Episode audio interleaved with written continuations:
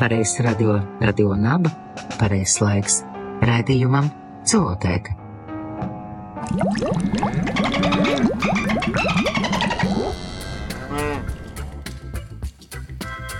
Sveiki, zemieši, sveiki, mīļie klausītāji! Šis ir Latvijas Rādio 6, Latvijas Universitātes Radio Naba. Mans vārds ir Sandrs Ādminis, un šis ir jau 2023. gada 27. māja raidījums Zootēka, numurs 142. Jau raidījums, kas veltīts dzīvnieku aizstāvībai, visdažādākajām tēmām par to, kā viņus saprast labāk un kā mēs varētu sadzīvot labāk, mazāk viņus slaktēt, turēt pie ķēdēm, būros un tā tālāk. Es domāju, ka pasaulē esat pamanījuši, pamazām tai virzienā mainās, un es cenšos to paskaidrot, pamatot, kāpēc, manuprāt, tas ir jēdzīgi un kāpēc uh, būtu pat vēlams, ka aizvien vairāk cilvēki par to aizdomājās un iesaistās šajās pārmaiņās. Šoreiz raidījumā vairākas tēmas. Būs par manu piedalīšanos vienā nesenā protestā pie milzīga zoodārza, kur tiek turēti arī orkas, jeb zobenvaļi, mazliet par likuma ievērošanu saistībā ar nežēlību pret dzīvniekiem, ziņas no Lietuvas par kažokādām, būs ziņas no Oslo, Norvēģijā veselas divas un arī par manu dalību Lampā sarunu festivālā Cēsīs, kas būs jūnija sākumā. Bet pirms ķeros tam visam klāt, es vēlos pateikt milzīgi paldies visiem Patreon ziedotājiem, cilvēkiem, kas atbalsta zooteikas tapšanu ar ikmēneša nelielu ziedojumu, sākot no 1 eiro, ja vēlaties viņiem pievienoties.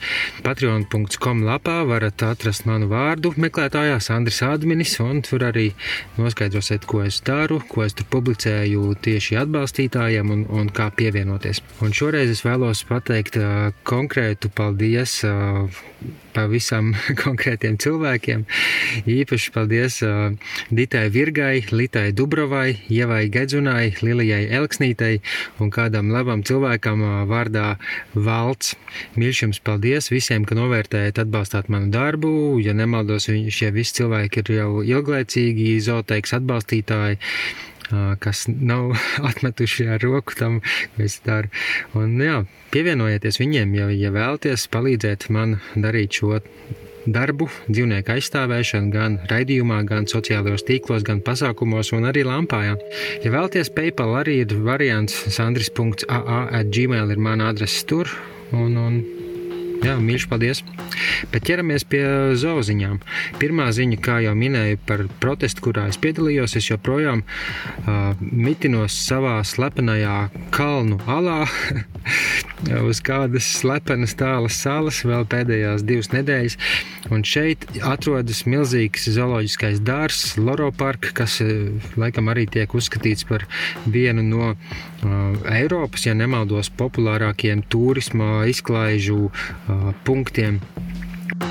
40 vietās pasaulē pie delfinārijiem, zoodārziem, dažādiem ūdens atrakciju parkiem, kas izmanto dzīvniekus, ūdens dzīvniekus šoviem, notika protesta akcijas. The Tanks, jeb iztukšojiet tvertnes, globāla kampaņa, kas jau, ja nemaldos, vairāk kā desmit gadus rosina aizstāvēt vaļveidīgos dzīvniekus, kas tiek turēti nebrīvē.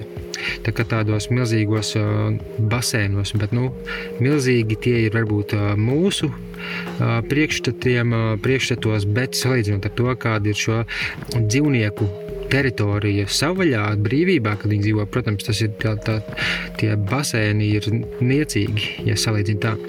Daļa no šiem dzīvniekiem ir, pie, ir piemērota arī atbrīvošanai savvaļā, bet pārējos šīs kampaņas rīkotāji aicina pārvietot uz jūrā izveidotiem aplokiem, kur viņi varētu izbaudīt atlikušo mūžu dabiskā ūdens vidē, okeāna viļņos, jo ir neētiski viņus izmantot izklaides nolūkiem līdz pēdējiem elpas vilcienam turot nu, šādā šaurā tiešām tiešām šo dzīvnieku fizioloģiskām vajadzībām neatbilstošā vidē lai pēc tam viņus aizstātu ar, ar nākamajiem derīgajiem, noderīgiem dzīvniekiem, kas, kas vai nu nāk pasaulē pārojoties šiem nebrīvē jau turētajiem, vai, ja nemaldos, vēl šur tur pasaulē joprojām tiek sagūstīti arī savaļā šie dzīvnieki. Lai gan tas par laimi tiek aizvien vairāk kontrolēts, aizliegts, ierobežots.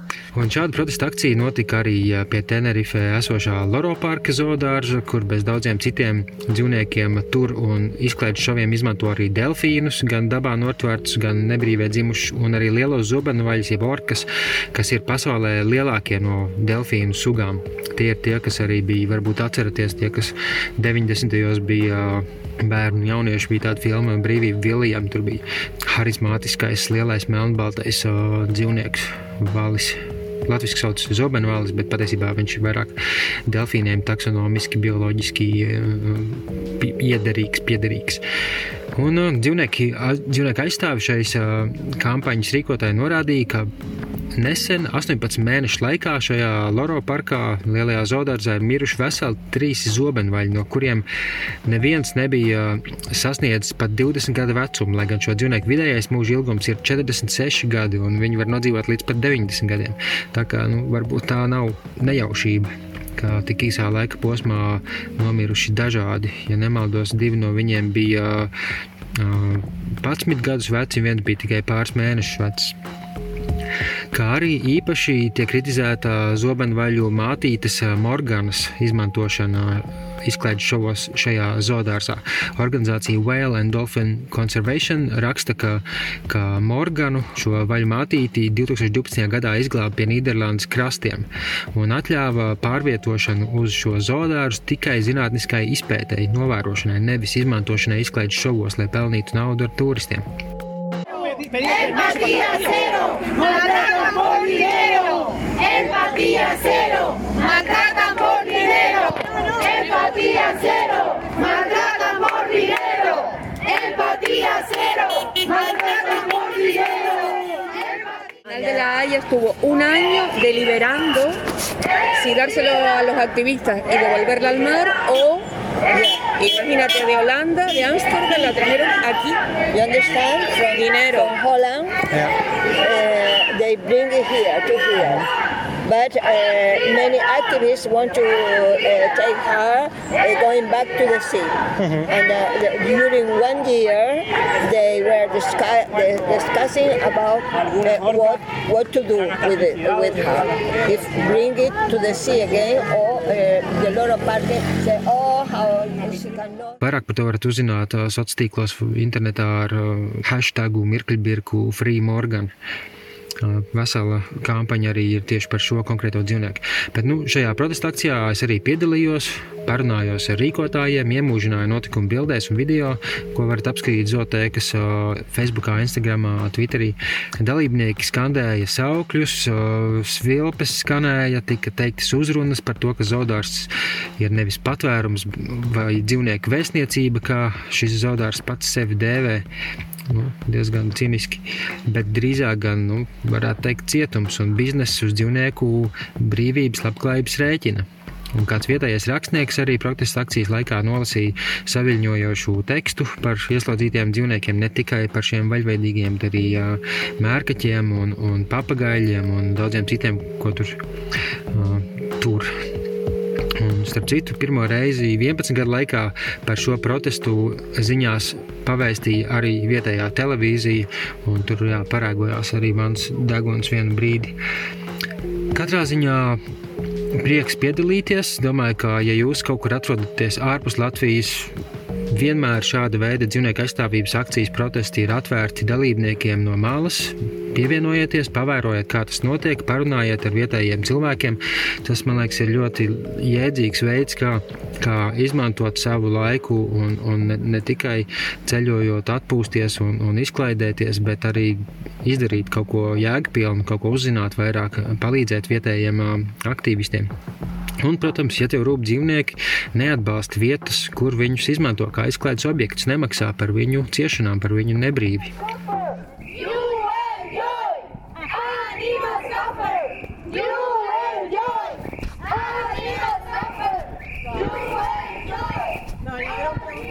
Tagad laiks mazai muzikālai pauzei, bet tad nākamais stāsts par Lietuvu, par suni Latvijā un vēl šo to citu. Raidījumu pilno versiju klausies Latvijas sabiedrisko mediju portālā LSM LV.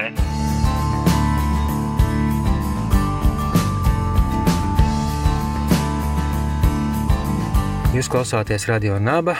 Šis ir raidījums Zootēka. Turpinās zooziņas, un šoreiz stāsts no Lietuvas, kur parlamenta, jeb Seima vīdes aizsardzības komiteja nobalso par zvēraudzēšanas aizliegumu. Dzīvnieku brīvība raksta, ka Lietuvas zvēraudzēšanas aizlieguma likumprojekts ir sasniedzis nākamo fāzi, jo minētais Seima vīdes aizsardzības komitejas balsojums ir par zvēraudzēšanas aizliegumu arī mūsu Latvijas kaimiņu valstī. Un tagad sāksies intensīvs periods cīņā par kažokzvēru, jeb kažokādām izmantoto dzīvnieku aizsardzību Lietuvā.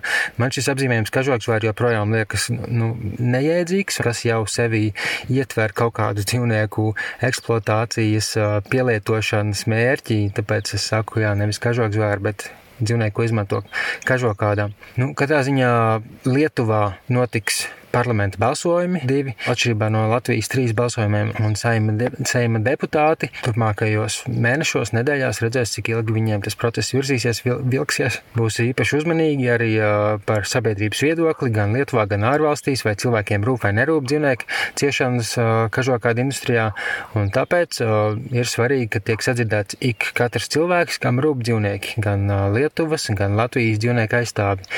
Un jā, dzīvnieku brīvība aicina atbalstīt Lietuvas aktīvistus, Lietuvas dzīvnieku draugus par to, lai arī Lietuva pievienojas Igaunijai un Latvijai, kur kažokādu ražošana jau ir, nu, ja ne uz jau aizliegta, tad ir jau nosprausts beigu punkts, kad, kad tam ir jābeidzas. Vēl viena zooziņa ir no Oslo, Norvēģijā. Tur pārsteidzošā kārtā, nu, vismaz man tas bija negaidīti, Oslo bērnu dārzos vairs nepasniegs gaļu, lai mazinātu pilsētas ietekmi uz vidi. Norvēģijas galvaspilsēta tādējādi turpina senāk iesākto. Pirms kāda laika šāds pārmaiņas bija ieviestas jau Oslo skolām. Skolās, kā ēdienkartēs, vairs tur gaļa neparādās, bet tagad plānots, ka gaļu un tās izstrādājums vairs nepasniegs arī pilsētas bērnu dārzos, pēc skolas aktivitāšu grupās un brīvā laika pavadīšanas pulciņos. Oslo pašvaldības deputāti nolēmuši, ka bezgaļas maltīšu izvēle ir nevien veselīgāka un vidēji un klimatam draudzīgāka, bet arī garšīga. Protams, aiztopot arī dzīvnieku ciešanas. Nu, nav šaubu, ka viņiem bija pamatīgas diskusijas pirms šī lēmuma pieņemšanas, rosināšanas, bet cik var saprast, tad tas jau ir izlemts, un tagad atliek vasaras laikā viņiem saprast, vienoties, kā to īstenot. Katrā ziņā lēmums, kā saka pilsētas padomnieks vidas jautājumos, Sirīna stāvā ir gan iekļaujošs, jo dar visdažādākiem bērniem, neatkarīgi no uzturparadumiem ģimenē, kultūras un ētiskās pārliecības, kā arī tas pilnībā atbilst Norvēģijas veselības pārvaldes rekomendācijām, kas neiebilst arī pret uh, bezgaļas uh, maltīšu pasniegšanu bērniem, līdzīgi kā tās ir Lat Latvijā pēdējos pāris gados. Tas gan, protams, nenozīmē, ka, ka ir pienākums uh, izglītības iestādēm to tā darīt, bet nu, ir tāda brīvība, un Oslo pašvaldība ir izlēmusi, ka spēr šo soli tieši lielā mērā aiz ekoloģiskiem apsvērumiem. Un, nu, kopumā šīs pārmaiņas ir daļa no Oslo rīcības plāna uz pusi samazināt gaļas patēriņu pilsētā. Tas, tas notiek vides apsvērumu, kā arī sabiedrības veselības un, un arī atkritumu samazināšanas nolūkos. Un vēl viena ziņa no Oslo, Norvēģijas galvaspilsētas. Tur atklāta skulptūra par piemiņu iemīļotajam valzirgam, ko varas iestādes nonāvēja aiz sabiedrības drošības apsvērumiem. Nu, viņi rakstīja ziņās, ka eitanazēja, iemidzināja, bet nu, jā, tas tāds vārdu izvēles jautājums pabeigtā un uzstādītā bronzas skulptūra, kas ir valdzirgu mātītes Frejas dabiskā lielumā. Viņu attēlo guļam uz sāna jūras krastā, piestātnē netālu no laivām. Un, māksliniece, tēlniece Astrija Tonojana, kuras vecāki vispār, starp citu, ir no Rīgas pārcēlušies uz Norvēģiju, ir teikusi, ka tā cilvēki izturas pret savvaļas dabu, bet arī viens pret otru. Tā mēs izturējāmies pret Freju, un tāpēc es šai skulptūrai devu nosaukumu par mūsu grēkiem. Šo piemiņas objektu viņi izveidoja par internetu kampaņā savāktiem ziedojumiem. Savukārt šīs kampaņas rīkotājs Eriks Holmes medijiem esot teicis, ka viņš šo kampaņu uzsācis, jo bija saniknots par to, kā Norvēģijas zvejsaimniecības direktorāts un valsts iestādes risināja šo situāciju. Un, kas tad īstenībā toreiz notika? Freja, apmēram 600 kg smaga valzirgu mātīte, tika cik zināms, nošauta pērn augustā, izsaucot plašu sabiedrības nosodījumu par šādu rīcību. Kāpēc tā? Jo lielais dzīvnieks guva ievērību pēc tam, kad bija jau ilgāku laiku uzturējies pilsētas piekrastē un labprāt rāpās uz laivām, lai uz tām atpūstos gulšņātu, taču reizēm arī tās nejauši nogremdēja, ņemot vērā šo dzīvnieku milzīgo svaru. Un uh, varas iestādes vēlāk teica, ka cilvēki ir bija, bija ignorējuši brīdinājumus pārāk bieži uh, par pārāk tuvu pietuvojoties valzirgam, tā apdraudot gan viņu, gan pašu sevi. Piemēram, reiz policija nožogoja peldvietas zonu pēc tam, kad Freja bija sākus dzīties pakaļ kādai sievietei, kas iespējams bija pārāk pietuvojusies, lai nofotografētu valzirgu. Bet citā reizē liela cilvēku grupa, arī bērni, stāvēja rokas stiepienā attālumā no dzīvnieka.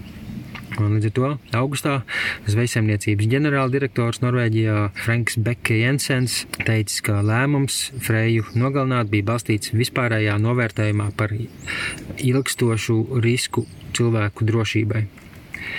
Un Freja, kas Oslo parādījās jūlijā, bija nosaukta par godu skaistumu un mīlestības dievietēji skandināvu mitoloģijā. Velzirgi kas principā ir aizsargājuma suga. Kopumā tomēr mīt stipri tālāk no Oslo. Oslo ir Norvēģijas dien, dienvidu galā. Vazirgi vairāk mīt ziemeļu arktiskajos ūdeņos, tālāk, tālāk uz ziemeļpolu pusi. Parasti cilvēkiem neuzbruk, lai gan parētam novērot arī tādi gadījumi, it īpaši, kad šie dzīvnieki tiek turēti nebrīvē vai kā citādi ir ciešā saskarsmē ar cilvēkiem. Nākamā ziņa ir no Dānijai piedarošajām Fēru salām, kur atsākas ikdējās vaļu medības, līdz ar to saņemot kā ierasts dzīvnieku aizstāvju nosodījumu, lai gan tas joprojām ir sarežģīts kultūras jautājums. Pilotvaļu medības Dānijai piedarošajās salās apmēram 300 km uz ziemeļiem no apvienotās karalistes notika 8. un 15. maijā. Tajās nogalināja apmēram 60 pilotvaļu, tādu, kas ir sociāli visai inteliģenti zīdītāji dzīvnieki. Un plānots arī vēl citas medības turpmāk gada laikā.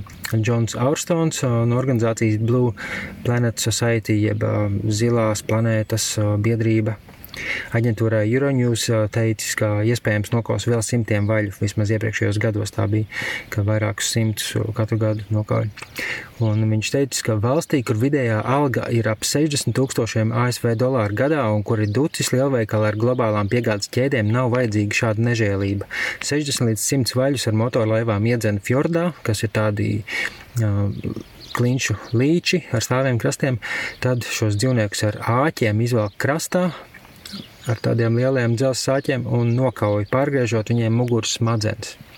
Daudzi fēru saliedzīvotāji atbalsta šo grinda drapu, kā to dēvē fēru valodā, tradīciju kā, kā kaut ko aizsargājumu. Viņi uzskata, ka vaļus tā medī jau sen, un tāpēc tā, tas ir kaut kas nu, savā ziņā svēts un svarīgs, un viņu gaļa un tauki esot neatņemama vietējā uztura sastāvdaļa. Savukārt citzemju iedzīvotāji rīkotās kampaņas pret šo tradīciju esot kultūras imperialisms, jeb citu valstu cilvēku gribas uzspiešana viņiem. Nu, runa nav par dzīvnieku ciešanām, runa ir par cilvēku tiesībām rīkoties ar dzīvniekiem būtībā. Protams, dzīvnieku aizstāvji uz to tā neskatās. Viņi dzīvniekus redz kā, kā arī nu, savā ziņā tiesību aizsardzības subjektus, aizsardzības vērtus neatkarīgi no, neatkarīgi no, no tā, kur tas notiek. Ja tam nav pietiekams spēcīgs pamatojums, tad varbūt nevajadzētu to turpināt. Katrā ziņā vaļus aizsargā gan Eiropas Savienības un apvienotās karalistes tiesību akti, Fēru salas tomēr ir kā autonoms apgabals, lai gan Dānijai pieder, un tas ļauj tām veidot savus likumus un noteikumus, un, un neņemt vērā Eiropas Savienības un apvienotās karalistes likumus. Vaļi savukārt ir izteikti sabiedriski un mēdz dzīvot ar savu ģimeni visu mūžu kopā baros. Tādēļ šādas medības viņiem var būt ne tikai ļoti ilgas, bet arī stresa pilnas. Process var aizņemt lielāko dienas daļu. Kā tas notiek ar, ar motorlaivām un ūdens motocikliem. Viņus iedzen līcī šai fjordā, kas pats par sevi jau rada zemūdens troksnī, un, kā zinām, šiem dzīvniekiem izraisa milzīgu stresu un šausmu sajūtu.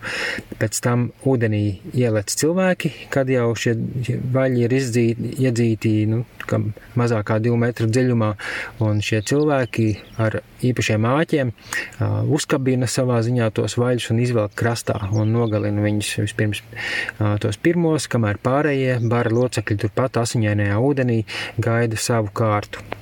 Šīs tradīcijas aizstāvi saka, ka vaļi tiek nogalināti ātri, varbūt pat humānāk nekā kautuvē nogalina dzīvniekus, kas visu mūžu dzīvojuši lielfermu šaurībā, šaurībā. Un, manuprāt, tas, tas ir diezgan spēcīgs arguments. Varbūt tiešām ša, šajā ziņā sanāk, lai gan attēlos tas izskatās briesmīgi. Ūdens tiešām ir asins sarkans un, un tie milzīgie dzīvnieki tur spirinās.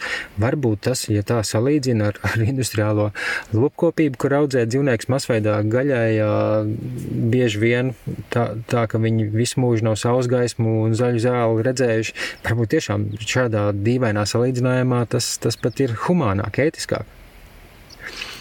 Bet, nu, Oponenti šim argumentam saka, ka, ka šīs vaļu medības tomēr ļauj arī piedalīties cilvēkiem bez īpašas apmācības. Tā kā kas to lai zina, kā, cik, cik tas viss tiek kontrolēts. Un vidēji gadā tā nokauja apmēram 700 pilotvaļu, taču pati šī suga neskaitās apdraudēta. Un arī Islandes ārlietu ministrija Eiroņiem ziņām esot norādījusi, ka pilotvaļu medības skaitās ilgtspējīgas. Līdz ar to, manuprāt, tas ir spēcīgs atgādinājums, ka ilgtspējīgs nevienmēr nozīmē arī dzīvniekiem draudzīgs, vai ne? Par šo ziņu Zooteikas sociālajos tīklos bija arī diskusija komentāros, kāda sievietes tur rakstīja, ka senos laikos to darīja, lai varētu izdzīvot, bet tagad, kad visi ir pārēdušies, nogalināti izklaides un tradīcijas dēļ, nu, bēdī, bēdīgs smaidiņš. Kādreiz arī cilvēks upurēja dieviem, tomēr tagad tā vairs nedara. Un es tur arī atbildēju uz komentāru, ka savā ziņā uz vispārējā sabiedrības ieraduma fona šīs tradīcijas aizstāvjiem varētu būt savā ziņā arī taisnība. Jo, piemēram, filmas Seaspiracy, kas bija par zvejas industrijas aizkulisēm un, un, un, un nesmuko pusi, kas notiek tālu arī no mūsu piekrastē krastos dzīvojošo cilvēku acīm, acīs, šīs filmas beigās, noslēgumā, ja, ja es nejaucu ar kādu citu filmu, sarunā par vaļu medībām, kāds vīrietis teica, ka labāk nogalināt vienu lielu dzīvnieku un ar to pabarot daudzus nekā nogalināt desmitiem cūku vai pat simtiem vistu. Nu, protams, dzīvniekiem vislabāk pašiem būtu, ja mēs viņus vairs vispār neēstu, ja tas ir iespējams. Tiem no mums, kas, kam gribas, grib, gribā motivācija ir pietiekami spēcīga, protams, ka labāk ir neēst ne, ne vaļus, ne cūkas, ne vistas, bet, nu, tiem, kas, kas, kam tas nav iespējams, varbūt pat humānāk, ēdiskāk sanāk tiešām ēst šos lielos dzīvniekus. Nu, tas tāds atvērts uh, filozofisks jautājums.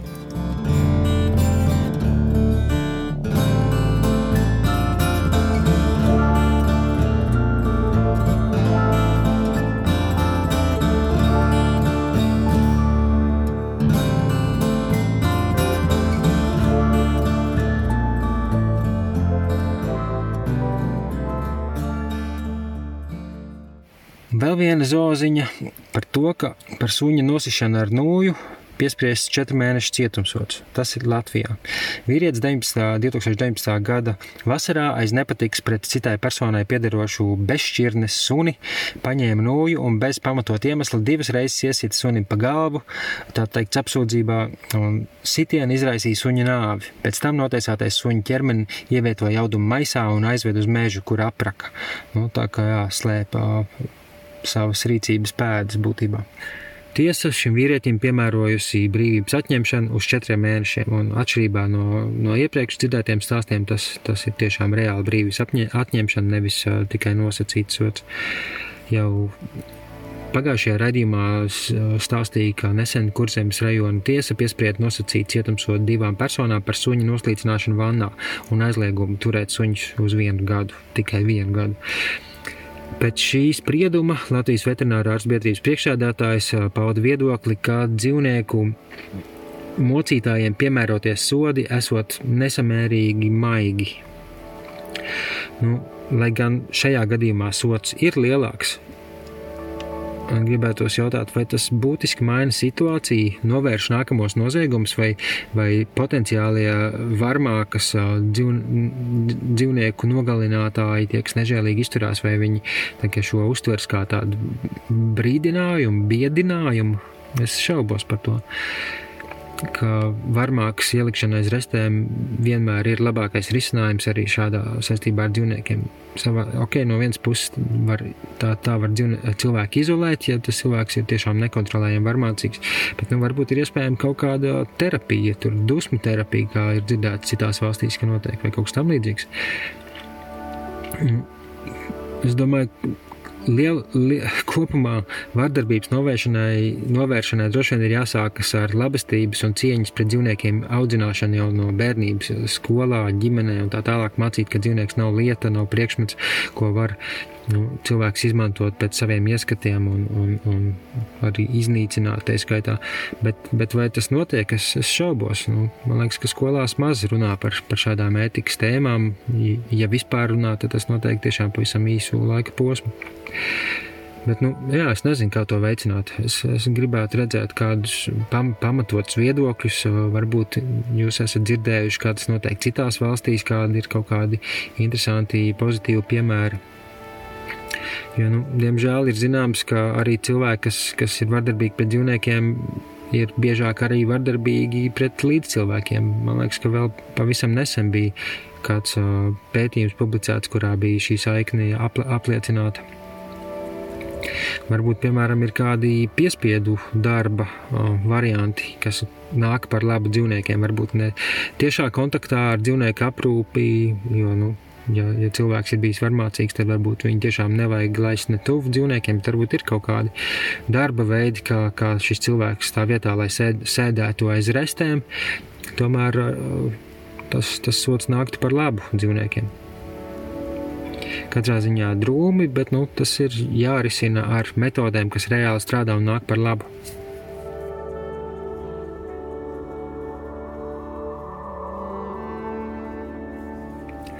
Vēl viena zooziņa no Latvijas ir par to, ka Limbaģa pusē izglābtais lācēns Bārenis ar lidmašīnu ir aizvests uz Franciju. 25. maijā mazais lācēns, kas aprīlī pēc dažu dienu klīšanas bez māmas gar alojas un limbažu ceļu, tika nogādāts Rīgas zooloģiskajā dārzā ar lidmašīnu ir nogādāts tagad uz jaunu mājvietu, Latanjēre, vai kā viņi izrunā franciski, tādu kā zoodārzu patvērsmi, kas ir, nu, es neesmu iedziļinājies pagaidām vēl, cik tas tiešām ir patvērsme, cik tas ir zodārs, bet nu, dabas aizsardzības pārvalde informē, ka tas ir kaut kas vairāk nekā zodārs, un tur pastāv iespēja, ka šo dzīvnieku varēs arī rehabilitēt un galu galā izlaist atpakaļ brīvībā.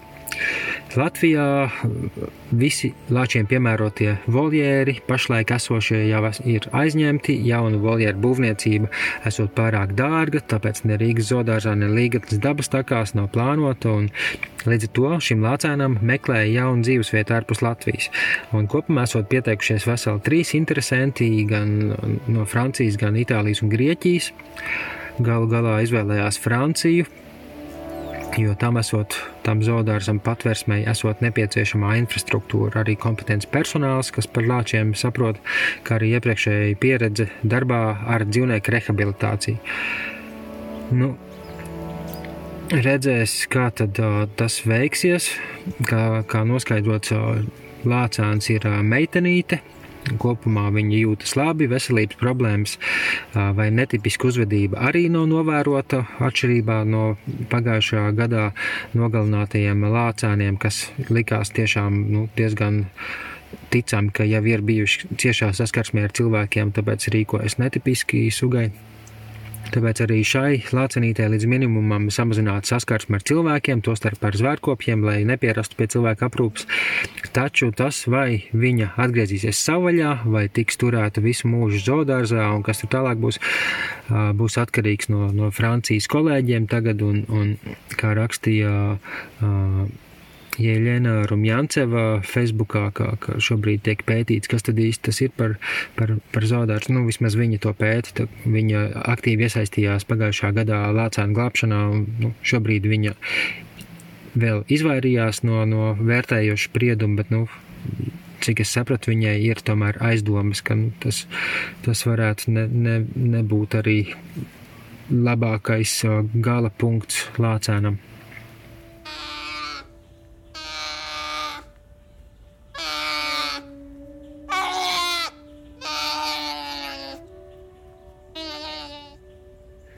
Bet, nu, ko, ko raksta mēdīja Latvijā, ka šis Francijas zodārs pastāv jau uh, kopš 2015. gada, 2015. gada. Tur ir uzņemti 3000 dažādi dzīvnieki, nodrošinot maksimāli dabiskus apstākļus un nepieciešamo aprūpi. Daļa no nožogojumiem ir slēgtā zonā, nav pieejama publikai, kas dod iespēju bez problēmām arī izveidot piemērots apstākļus dzīvnieku turēšanai un rehabilitācijas novietnei. Un, viņi jau iepriekš esot īstenojuši Francijas vadošās dabas aizsardzības institūcijas uzdevumu trīs mēnešu vecu bez māmas palikušu lācēnus izaudzina, izaudzinot un palaižot atpakaļ savvaļā. Tā kā cerams, tas izdosies arī ar šo no Latvijas aizvesto lācānu.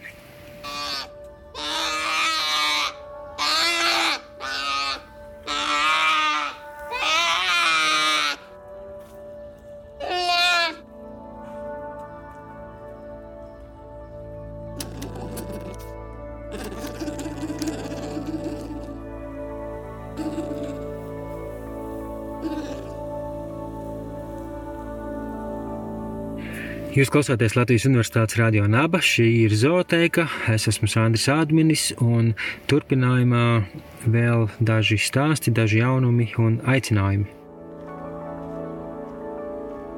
Ir tāda lieta kā Eiropas pilsoņu iniciatīvas par dažādām tēmām, kur tiek vākti paraksti visas Eiropas dalību valstu mērogā. Jāsavāc ir vismaz miljons parakstu, kas parasti tiek savākti ar kaudzīti, lai tiešām ir droši, ka viņi tie visi ir autentificējami, pārbaudāmi, ka nav, nav tur kaut kādas kļūdas.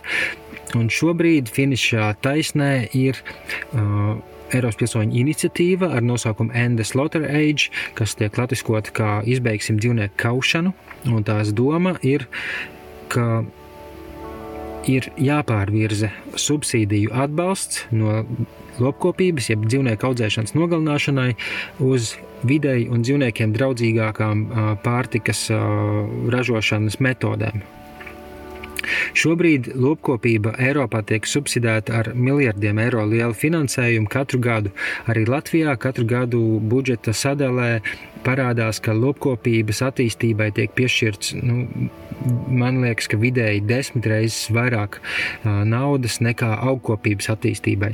Es nezinu, kāds ir tiešām varētu būt loģiskais, saprotamais, uh, jēdzīgais pamatojums, bet manuprāt, tas tiešām ir pretrunā gan, protams, ar dzīvnieku aizstāvju aicinājumiem, hei, nu, mēģinām taču viņus nogalināt mazāk, gan pretrunā ar vides aizstāvju argumentiem, ka uh, dzīvnieku audzēšana pārtikai ir neefektīvs resursu izmantošanas veids, tas, tam ir pamatīgi ietekmē uz klimatu, uz vidi, uz atmosfēras stāvoklī, uz vispār dabisko resursu izmantošanu. Un tas ir arī pretrunā ar to, ko saka veselības speciālisti, tā skaitā veselības ministrija.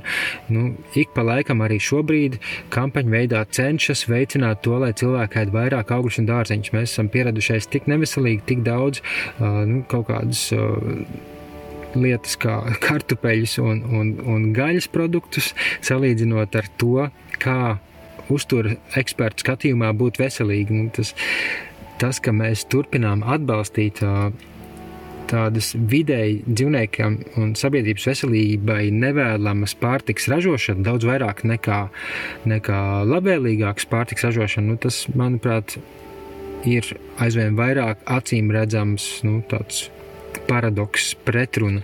Nu, un šobrīd tiek vākti paraksti, kā jau minēju, par to, lai šīs subsīdijas, no, jeb nodokļu maksātāja naudu, no kuras uh, daļu saņem dažādas industrijas, tostarp arī naftas kompānijas, arī lauksaimniecības nozars, uh, lai uh, šo subsīdiju rezultātā samazinās produktu ražošanas izmaksas, lai varētu ražot vairāk un lētāk patērētājiem, lai vieglāk cilvēks var nopirkt.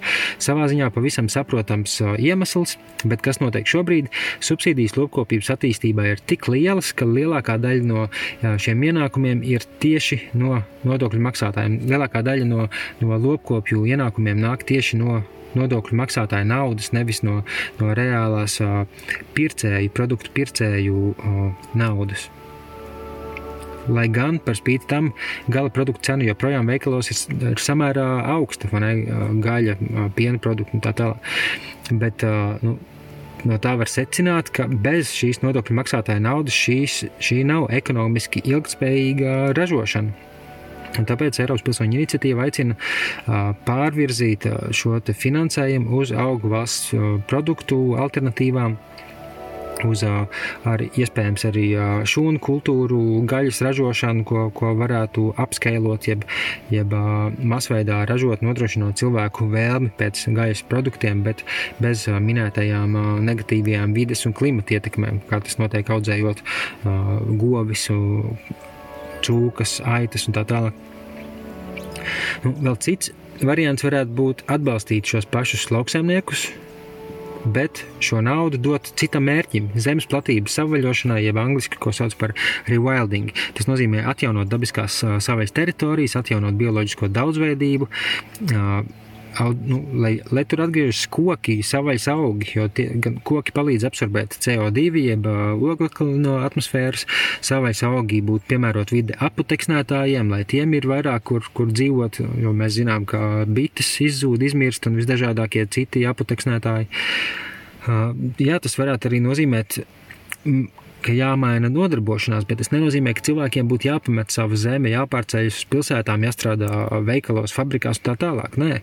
Pētījumos ir aprēķināts, ka, ja mūsu ēdienkarte mazāk sastāvētu no, no gaļas un citiem dzīvnieku izcelsmes produktiem, piena, siera arī un tā tālāk, bet vairāk no dārziņiem, pakšaugiem, augļiem, graudaugiem un tā tālāk, tad kopumā pārtiks ražošanai mums vajadzētu daudz, daudz mazāk zemes platības. Un rezultātā šīs atbrīvotās teritorijas varētu tā teikt atdot atpakaļ dabai jeb sav, savvaļot, vai kā to latviešu mēs varam turpināt pārvaldīt savu zemi, bet darīt to veidos, kas nav tik dramatiski nelabvēlīgi dzīvniekiem, dabai un mums pašiem. Starp citu, par šo tēmu Latvijas ornitoloģijas biedrības interneta lapā ir publikācija. Aicinām Latvijas iedzīvotājs pieprasīt politiķiem dabas atjaunošanas likumu pieņemšanu. Tur teikts, ka dabas atjaunošanas likums, ko šobrīd apspriež valstu valdības, uzliks Eiropas Savienības dalību valstīm pienākumu atjaunot noteiktu daļu dabas, jo šobrīd 80% no Eiropas dabas ir sliktā stāvoklī. Tā kā, ja arī tu vēlēsies palīdzēt, par to iedrošināt, iestāties arī Eiropas parlamenta deputātus no Latvijas, tad uh, iegūglē šo nosaukumu dabas atjaunošanas likums. Tur tu atradīsi ornitoloģijas biedrības ziņu, un, un tur vari parakstīt un nosūtīt vēstuli politiķiem, kas šobrīd no Latvijas darbojas Eiropas parlamentā. Bet par to sākotnējo tēmu, par Eiropas pilsoņu iniciatīvu ar nosaukumu Izbeigsim dzīvnieku kaušanu, to varat atrast zootēkas sociālajos tīklos un arī Riga Animal Save sociālajos tīklos, kur mēs ar dombiedriem rīkojam šo te parakstu vākšanu. Un, nu, no Latvijas ir salīdzinoši maz savākt parakstu, bet vēl ir laiks, pāris nedēļas to parakstīt. Lūdzu ja jums rūp šīs tēmas, ja jūs gribētu, lai dzīvnieks audzē un kauj mazāk, un tā vietā subsīdijas piešķir videi klimatam, dzīvniekiem un arī cilvēku veselībai draudzīgāks pārtiks ražošanai, uzmeklējiet End the Slaughter Age vai latviski izbeigsim dzīvnieku kaušanu iniciatīvu. Tā ir oficiāla Eiropas Savienības iniciatīva ar tiešām oficiālu ietekmi un, nu, varbūt ne gluži juridisku, bet uh, politiski saistošu spēku. Paldies, ka parakstījāt jau iepriekš jums. Paldies!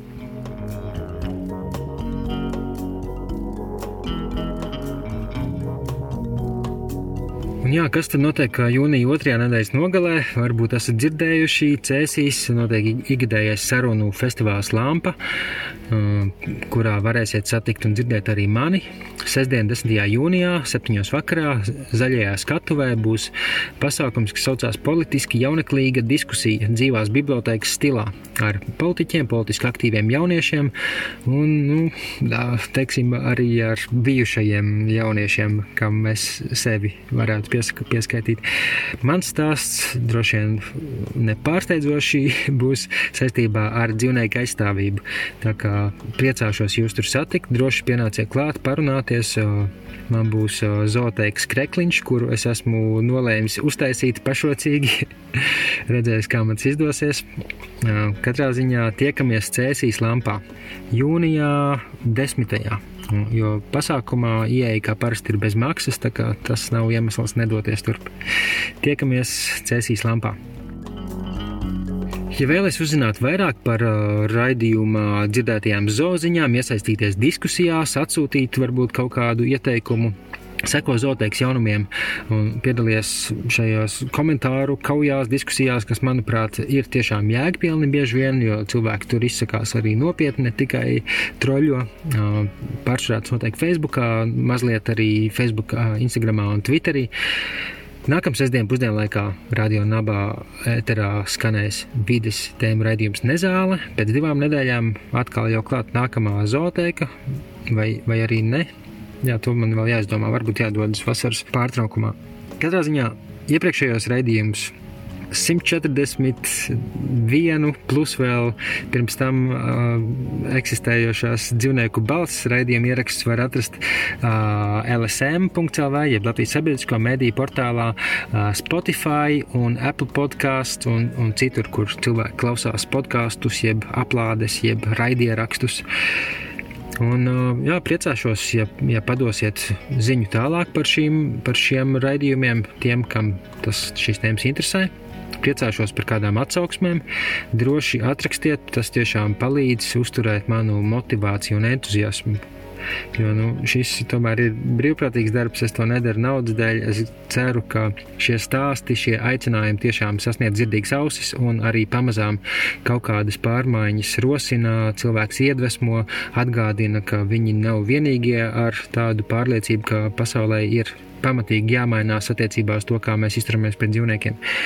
Nu, katrā ziņā paldies, ka klausījāties. Un kā es mēdzu teikt, audzējiet sevi, jo tikai tad mēs varam arī sākt audzēt viens otru un sākt audzēt arī pārējos, ko mēs bieži vien varbūt neatceramies.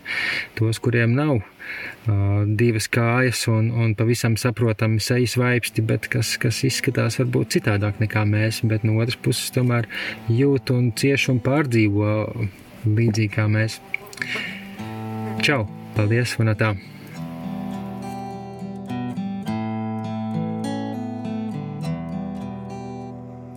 In my dreams, I'm jealous all the time.